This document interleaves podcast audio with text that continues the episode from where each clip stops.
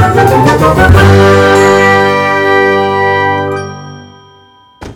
teman-teman, kita di sini mau mau membahas satu kasus nih yang menurut kita menarik banget. Tapi sebelum itu kita mau perkenalan dulu. Jadi gue Rima, terus ada teman gue Shiva, ada teman gue Hapsah, Jadit dari UPN Jogja, terus ada Raihan dan ada Risto. Nah, kita langsung mulai aja ya. Uh, sebenarnya gue penasaran nih. Gak penasaran juga sih gue pengen ngasih tahu nih. Kita sebenarnya tuh lagi di hidup di era kapitalisme global loh. Nah kenapa nih kita bisa dihidup di kehidupan kapitalisme global? Ya kita lihat sekitar aja gitu kayak handphone nih. Handphone kita uh, merek-merek luar kayak iPhone dari Apple dari Amerika Samsung dari Korea, Xiaomi dari Cina. Itu salah satu contohnya. Nah, sebelum kita bahas ke produk-produk yang ada di sekitar kita nih, gue mau nanya nih ke kalian nih. Menurut kalian tuh kapitalisme global itu apa sih definisinya? Kayaknya aku mau mau mau bagi berbagi perspektif nih Rem. Menurutku tuh kita bisa tahu kapitalisme global dari dua hal tuh, dari term kapitalis dan term global gitu. Nah, kalau misalnya kapitalis itu kan paham uh, yang mengedepankan pasar bebas dan juga modal gitu kan. Sedangkan global itu proses informasi yang mengglobal gitu. Jadi bisa dikatakan kapitalisme global ini tuh lahir dari globalisasi terus menciptakan budaya konsumsi dan masyarakat konsumen yang esensinya dilatihnya dengan perubahan community yang dikonsumsi gitu. Jadi istilahnya kapitalisme global ini uh, konsumsi produk secara besar-besaran dan secara masif. Gitu, Rin. Kalau misalnya kita bicara kapitalisme global, itu singkatnya itu uh, konsumsi satu produk secara mengglobal. Mungkin gitu kali ya yang paling simpel gitu. Tapi kayaknya aku mah jadi penasaran nih, Rim. Itu kan definisinya ya. Rima tahu nggak sih gimana sejarahnya gitu? Sama ada kapitalisme? Oke, okay. jadi uh, gue di sini mau mau jelasin sejarah singkat dari kapitalisme global ya. Nah, kapitalisme global ini muncul uh, pada zaman kapitalisme keempat, yaitu pada tahun 1914. Karena kan yang kita tahu nih, pada zaman sebelumnya ada banyak macam-macam kapitalisme. Dari yang pertama ada kapitalisme dagang, ada kapitalisme klasik, ada kapitalisme korporasi nasional. Nah, yang membedakan uh, kapitalisme global dengan kapitalisme lainnya, yang di mana sebelumnya sistemnya ini hanya dikelola oleh satu negara doang. Nah, uh, kapitalisme global ini sistemnya dikelola oleh banyak negara yang mempunyai kepentingan. Sesuai dengan namanya, kapitalisme global ini cakupannya luas ya. Terus, uh, kapitalisme global ini uh, terfokus pada keuntungan dari perusahaan yang produksinya bisa dibilang mendunia kayak contohnya uh, produk dari perusahaan-perusahaan besar yang ada di sekitar kita. Kalau kita lihat sejarahnya, pasti ada lah ya eh, teori-teori mengenai kapitalisme ini dan teori kapitalisme global ini. Nah, gue pengen tahu nih, siapa sih yang pencetus teorinya gitu, teori kapitalisme? Gue sebelum ke teori, uh, pernah denger, kalian pernah itu gak sih kayak VOC gitu? Pasti pernah denger lah ya, VOC lah ya Oh iya benar-benar. Nah, mungkin ini agak agak fun fact ya. Tadi kan Rima bilang kan, siapa tahu penuh VOC di Indonesia gitu. Iya, VOC Indonesia itu salah objek pertama dari kapitalisme global gitu. Jadi VOC itu bisa dikatakan salah satu perusahaan multinasional pertama gitu ya. Dan dia tuh yang menerapkan kapitalisme global gitu. Walaupun pada sejarahnya yang diakui sebagai bapak kapitalisme itu namanya Adam Smith gitu. Dan ini salah satu scholar di bidang ekonomi gitu. Jadi Adam Smith ini bilang gitu kan, kalau misalnya uh, ekonomi itu di buku terkenalnya dia namanya The, Wealth, The Wealthy of Nation gitu. Uh, ekonomi itu bukan soal kita punya banyak emas gitu. Tapi ekonomi itu soal uh, seberapa besar produksi yang kita hasilkan gitu. Kalau Adam Smith itu menyontohkan gini nih. Jadi negara itu bakal kaya wealthy nation bakal tercipta. Kalau misalnya itu ada mesin produksi uh, mesin jarum tuh secara massal gitu. Terus kayak produksi benang secara massal gitu. Jadi akhirnya harga yang murah dan terdistribusi dengan cepat gitu. Nah, teori ini didukung dengan penemuan industri abad itu gitu. Kayak kita tahu mungkin inventionnya dari orang Inggris ya tuh James Watt ya yang menemukan mesin Watt gitu. Nah, terus akhirnya berkembang deh produksi besar-besaran gitu. Pertanyaan produksi lampu, produksi uh, besi, produksi pakaian gitu, sampai akhirnya produksi-produksi terus-terusan dan sekarang kita mengenal teknologi gitu. Nah, di era teknologi ini kita kenal nih yang namanya uh, kapitalisme global gitu. Mungkin tadi sempat aku recall di awal ya, kalau dari teorinya kapitalisme itu kayak gitu, kayak kata Adam Level dan globalisasi itu proses menyebar informasi secara luas. Itu Rem terkait kapitalisme global dan sejarah kapitalisme. Oke deh, makasih ya. Jadi sudah ngejelasin definisi sejarah sama si penemu teorinya ini cukup jelas banget nih kita kita jadi jadi pada tahu. Nah, ngomong-ngomong zaman sekarang nih, zaman sekarang kan globalisasi kan lagi ini banget nih kan. Apalagi eh, produk-produk yang sekarang nih yang kayak produk-produk handphone kita gitu kayak iPhone, Samsung, Xiaomi gitu. Ya kan? Selain handphone juga kayak laptop, laptop uh, Asus, laptop Acer, HP gitu-gitu kan. Tapi tentu aja lah ya namanya kapitalisme global nih pasti ada dampaknya tersendiri nih dari positif sampai negatifnya. Nah, menurut kalian nih dampak dari kapitalisme global ini apa aja nih? Coba uh, gue pengen dari dampak pro-nya dulu nih, dampak baiknya dulu.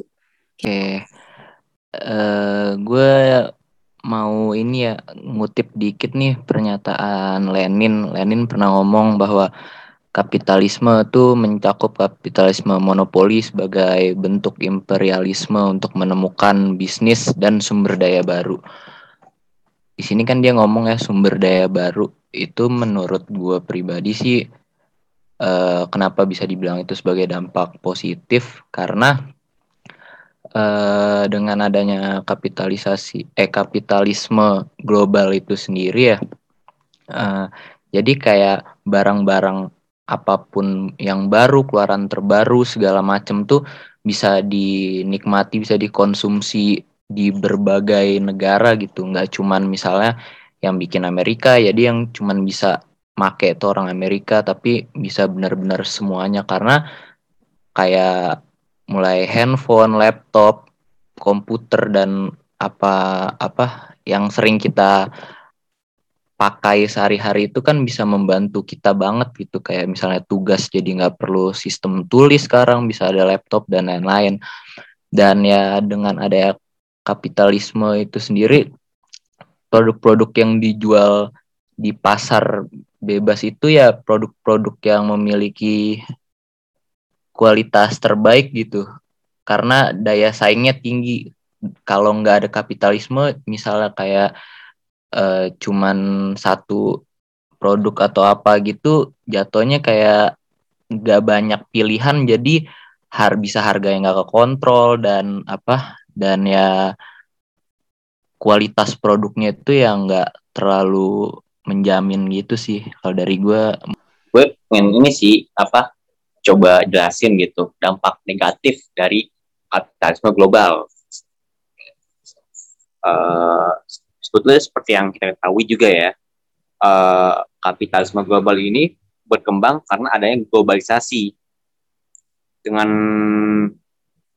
adanya globalisasi, kapitalisme global ini uh, akan berkembang dengan pasar bebasnya, yang kemudian itu kapitalisme global menciptakan masyarakat yang konsumen gitu, yang demokratis liberal, demokratis liberalis sebenarnya membawa dunia dalam perkembangan yang semakin tidak dapat dikontrol. Kehidupan harmonis dan kesejahteraan yang berimbang dalam masyarakat menjadi terusik karena masyarakat konsumen merupakan masyarakat yang sudah kehilangan kekritisannya. Masyarakat berada dalam situasi ketidakpastian menghadapi ciptanya sendiri yaitu teknologi yang semakin canggih, makin lama canggih. Memang uh, gak bisa disangka lah bahwa kemajuan ilmu pengetahuan dan teknologi telah akan suatu kondisi hidup yang lebih mudah, nyaman, bebas, dan menyenangkan di satu pihak. Tapi di lain pihak tentu dapat dipertanyakan motif dan tujuan segala perkembangan teknologi tersebut karena dikhawatirkan bahwa semua itu mengabdi pada kepentingan individu dan golongan dengan cara yang dipaksakan. Uh, bisa dibilang tuh teknologi saat ini yang menjamur akibat kapitalisme global jadi alat perbudakan gitu loh bagi manusia-manusia dewasa ini. Kebutuhan tersebut manusia tanpa sadar menjadi budak budak-budak kapitalis. Karena kayak contohnya gue pengen ambil contoh dari ini deh. Kayak model-model handphone saat ini kan terus diperbarui lah kayak misalkan iPhone. iPhone setiap tahun itu memperbarui uh, model-model HP-nya semakin canggih uh, iPhone yang keluar semakin mahal pula harganya tapi kita tahu harganya itu iPhone yang baru itu kayak mahal. Tapi orang-orang akan terus membeli karena tidak mau ketinggalan dengan orang-orang lain sehingga menciptakan kompetisi terselubung gitu loh. Nah, gue mau nanggepin nih lagi bahas tentang Apple ya. Uh, yang kita tahu Apple itu kan uh, awalnya sama Steve Jobs kan. Steve Jobs itu kayak dia selalu uh, menetapkan uh, perusahaan kapitalis yang di mana mereka itu kayak memberikan pasar apa yang mereka mau kita beli. Kayak dia uh, kelihatan kan dari sekarang kayak dia selalu mengasih uh, kayak selalu memperbarui versi-versi iPhone yang mereka. Kayak sekarang aja udah mau launching iPhone 13 kan. Sisi lain iPhone itu kayak dia kan buatan Amerika Serikat tapi yang setahu gue itu pabrik iPhone itu selalu ada di Cina kayak iPhone kebanyakan made in China. Kenapa sih uh, Apple itu uh, memilih untuk buka pabrik kayak di Cina? Nah, sebelum gua kasih tahu nih kenapa si uh, iPhone milih untuk di Cina, ini ada uh, sangkut pautnya. Cina itu sosialis uh, kapitalisme. Kayak uh, walaupun si Cina itu udah menganggap mereka itu sosial uh, menganut sosialisme, menurut gue mereka itu kapitalis. Uh, bisa dilihat ya kalau Cina itu udah jadi kekuatan finans kapital yang global kayak dia tuh selalu uh, perusahaan Cina itu bersama investasinya selalu menggurita ke berbagai sektor. Tapi di balik uh, kapitalisme yang menurut gue buruk ya, kapitalisme itu buruk.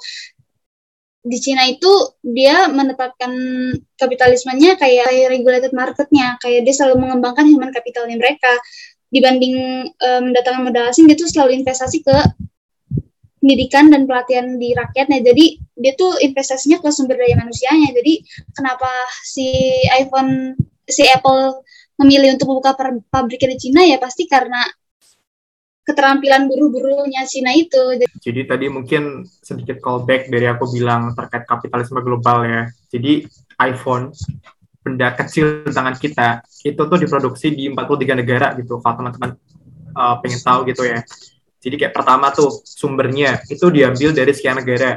Terus dirakit tuh yang tadi kata si Hapsah di Chinese, terus pusat kantornya itu di California, baru distribusi ke tiap-tiap negara gitu. Atau kalau enggak, kita ambil contoh yang kemarin sempat viral tuh, kapal Evergreen yang nyangkut, yang istilahnya itu satu menitnya dia itu nyangkut, itu kerugian miliaran miliaran dolar gitu. Nah, jadi mungkin kalau kita bicara kapitalisme global ya, itu sangat erat kaitan dengan distribusi global gitu. Soalnya ya itu, satu produk itu nggak mungkin dihasilkan dari satu tempat gitu. Pasti dia butuh impor dari tempat lain gitu.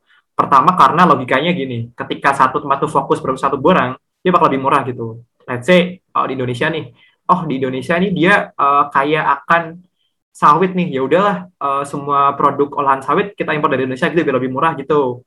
Terus ini diambil dari mana, dari mana, dari mana, dari mana gitu. Jadi kayak kapitalisme global itu erat kaitannya dengan ketergantungan satu negara dengan negara lain gitu. Nah, ini implikasinya pun dengan COVID kemarin gitu. Ketika akhirnya itu barang itu mandek, ya udah deh, jadi ya nggak bisa ke mana-mana tuh ekonomi. Jadi dari yang gue dengar nih dari kalian mengenai dampak negatif dan positifnya, uh, gue setuju dengan dampak positifnya bisa mempermudah kita dalam menjalani kehidupan kita sehari-hari.